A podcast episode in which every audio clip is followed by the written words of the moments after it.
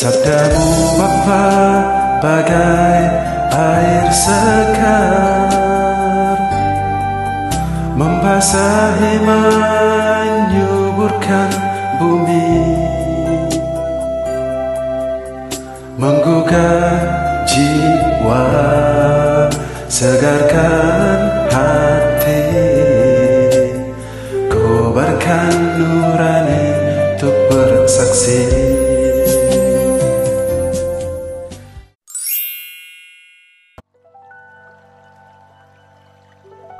Inilah Injil Yesus Kristus menurut Markus bab 12 ayat 41 sampai 44. Pada suatu hari, sambil duduk berhadapan dengan peti persembahan, Yesus memperhatikan bagaimana orang banyak memasukkan uang ke dalam peti itu. Banyak orang kaya memberi jumlah yang besar. Lalu datanglah seorang janda miskin ia memasukkan dua peser, yaitu satu duit.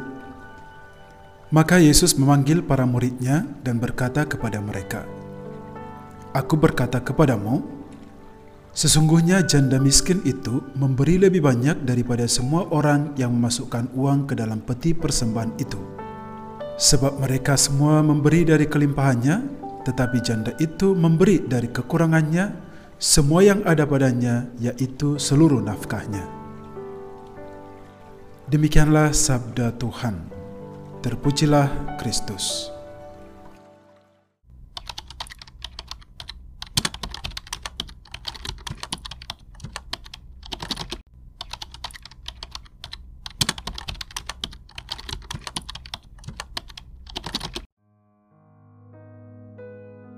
Saudara-saudari terkasih, ada sebuah pernyataan menarik bunyinya begini.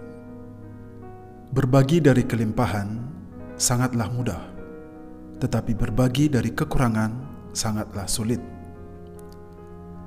Saya sangat setuju dengan pernyataan ini, sebab dalam kehidupan sehari-hari kita bisa menemukan bahwa ada begitu banyak orang yang berkelimpahan harta yang suka berbagi dengan orang lain. Tapi mereka mau berbagi dengan orang lain karena memang mereka mempunyai banyak. Jadi bagi mereka itu memberikan uang kepada orang miskin merupakan hal yang biasa.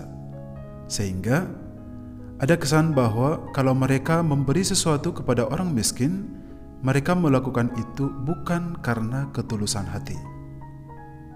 Mereka itu sangat berbeda dengan orang kaya yang baik hati.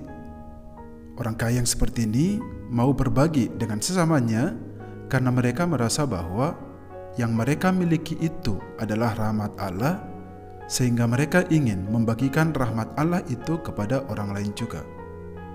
Mereka tidak rakus sendirian. Mereka melakukan itu dengan ketulusan hati dan merasa juga bahagia saat melakukannya. Dan menurut saya, orang kaya yang seperti inilah yang dikirim oleh Allah untuk menjadi berkat bagi orang lain. Lain halnya dengan orang kaya yang kikir yang tidak mau berbagi dengan sesamanya. Mereka tidak menjadi berkat bagi orang lain tetapi malah menjadi batu sandungan. Mengapa saya katakan orang kaya yang kikir menjadi batu sandungan? Karena banyak orang akan menaruh benci terhadap mereka sehingga mereka itu akan memiliki banyak musuh. Saudara-saudari terkasih, seperti yang saya katakan tadi bahwa ternyata ada banyak orang kaya yang mau berbagi dengan orang miskin karena mereka mempunyai sesuatu yang bisa dibagikan. Lalu bagaimana dengan orang miskin? Apakah orang miskin tidak mempunyai sesuatu yang bisa dibagikan kepada orang lain? Ternyata tidak. Orang miskin juga mempunyai kewajiban untuk berbagi dengan sesamanya. Orang miskin mempunyai tanggung jawab yang sama dengan orang kaya dalam hal memberi. Memberi bukan masalah jumlahnya, tetapi memberi dengan ketulusan hati. Dan bisa saya katakan bahwa kalau ada orang miskin mau berbagi dari kemiskinannya, itu sangat luar biasa, karena berbagi dari kelebihan itu sudah biasa, akan tetapi berbagi dari kekurangan itu baru luar biasa. Seorang janda dalam bacaan Injil yang saya bacakan tadi telah membuktikan hal itu. Dikisahkan bahwa Ada begitu banyak orang pergi ke bait Allah untuk memberikan persembahan. Kebanyakan dari mereka itu memberikan sesuatu dari kekayaan mereka. Lalu, Yesus mengamat-amati tindakan semua orang yang memberi persembahan itu. Yesus melihat bahwa banyak dari mereka memberikan persembahan karena memang mereka mempunyai sesuatu yang bisa dibagikan. Istilahnya lah, mereka mempunyai uang, mereka mempunyai mata pencaharian, mereka mempunyai hasil panen. Jadi, amatlah wajar bila mereka memberikan persembahan ke bait Allah. Tetapi ada satu orang yang menarik perhatian Yesus, yakni seorang janda. Seorang janda itu juga memberikan persembahan sama seperti orang-orang berada tadi. Dia menjadi objek perhatian Yesus. Mengapa dia menjadi objek perhatian Yesus? Karena dia juga memberikan persembahan sama dengan orang-orang kaya itu tadi, walaupun jumlahnya memang berbeda. Sekedar untuk diketahui bahwa dalam budaya Yahudi waktu itu, seorang janda masuk dalam kategori orang miskin karena mereka tidak mempunyai penghasilan. Para janda itu termasuk dalam golongan penerima bantuan, bahkan mereka termasuk dalam kelompok terpinggirkan dalam masyarakat, sehingga mereka itu sebenarnya tidak mempunyai kewajiban untuk memberikan persembahan kepada Allah. Dia tidak diwajibkan untuk itu. Nah, Yesus melihat bahwa janda itu memberikan satu duit Yesus memuji janda itu karena janda itu menyadari bahwa walaupun dia tidak mempunyai apa-apa untuk dibagikan, tetapi dia mau berbagi dari ketidakpunyaannya itu. Dia tahu bahwa dia miskin, tetapi dia tetap mau berbagi. Dia tidak menjadikan kemiskinannya itu sebagai dalih untuk tidak mau berbuat sesuatu, tidak. Justru di situlah letak kehebatannya, makanya Yesus memuji dia. Sebab dia memberikan dari kekurangannya dan ternyata Yesus mengatakan itu adalah tindakan yang sangat luar biasa. Yesus memuji dia dengan mengatakan bahwa tindakan janda itu sangat luar biasa. Bahkan apa yang dia berikan itu melebihi dari pemberian orang-orang kaya atau orang-orang berada yang memberikan persembahan bersama dia. Saudara-saudara terkasih, dari kisah seorang janda dalam Injil tadi, kita mau diingatkan kembali bahwa kaya atau miskin, kita mempunyai tanggung jawab dan kewajiban yang sama dalam hal memberi. Tidak penting seberapa banyak sumbangan yang bisa kita berikan kepada orang lain. Yang paling penting adalah keikhlasan hati kita dalam memberinya.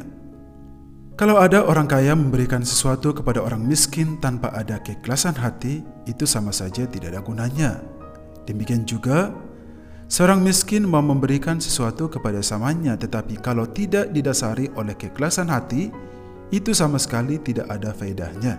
Yang benar adalah, keikhlasan hati akan menjadikan pemberian kita itu berguna bagi sama kita, dan itu sangat berkenan di hadapan Allah.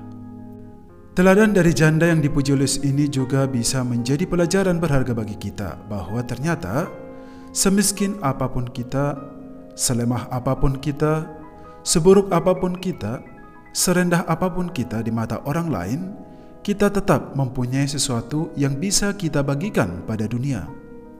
Kita harus menyadari itu sebab Tuhan menciptakan kita ke dunia ini pasti ada maksud dan tujuannya. Kita itu unik dan pasti berbeda dari yang lain. Sebagai contoh ya, kalau memang benar kita termasuk dalam kelompok golongan orang miskin, ya mari kita rendah hatilah. Jangan seperti orang lain yang sudah miskin, sombong, sudah numpang di rumah orang, berlagak sok kaya, dan lain-lain. Jangan sampai mempunyai sikap seperti itu Sebab dengan berperilaku sebegitu, kita justru tidak akan mendapatkan kemurahan hati dari orang lain dan juga dari Allah sendiri. Maka marilah saudara-saudariku terkasih, kita berbagi dengan sama kita dengan niat yang tulus, supaya Allah selalu memberikan kemurahan hatinya kepada kita juga. Kita tiru sikap janda yang dipuji Yesus dalam Injil kali ini, yang mau memberi dari kekurangannya, supaya Allah juga menambahkan berkatnya kepada kita dan menambahkan rezeki kita dari kekurangan menjadi kelimpahan. Amin.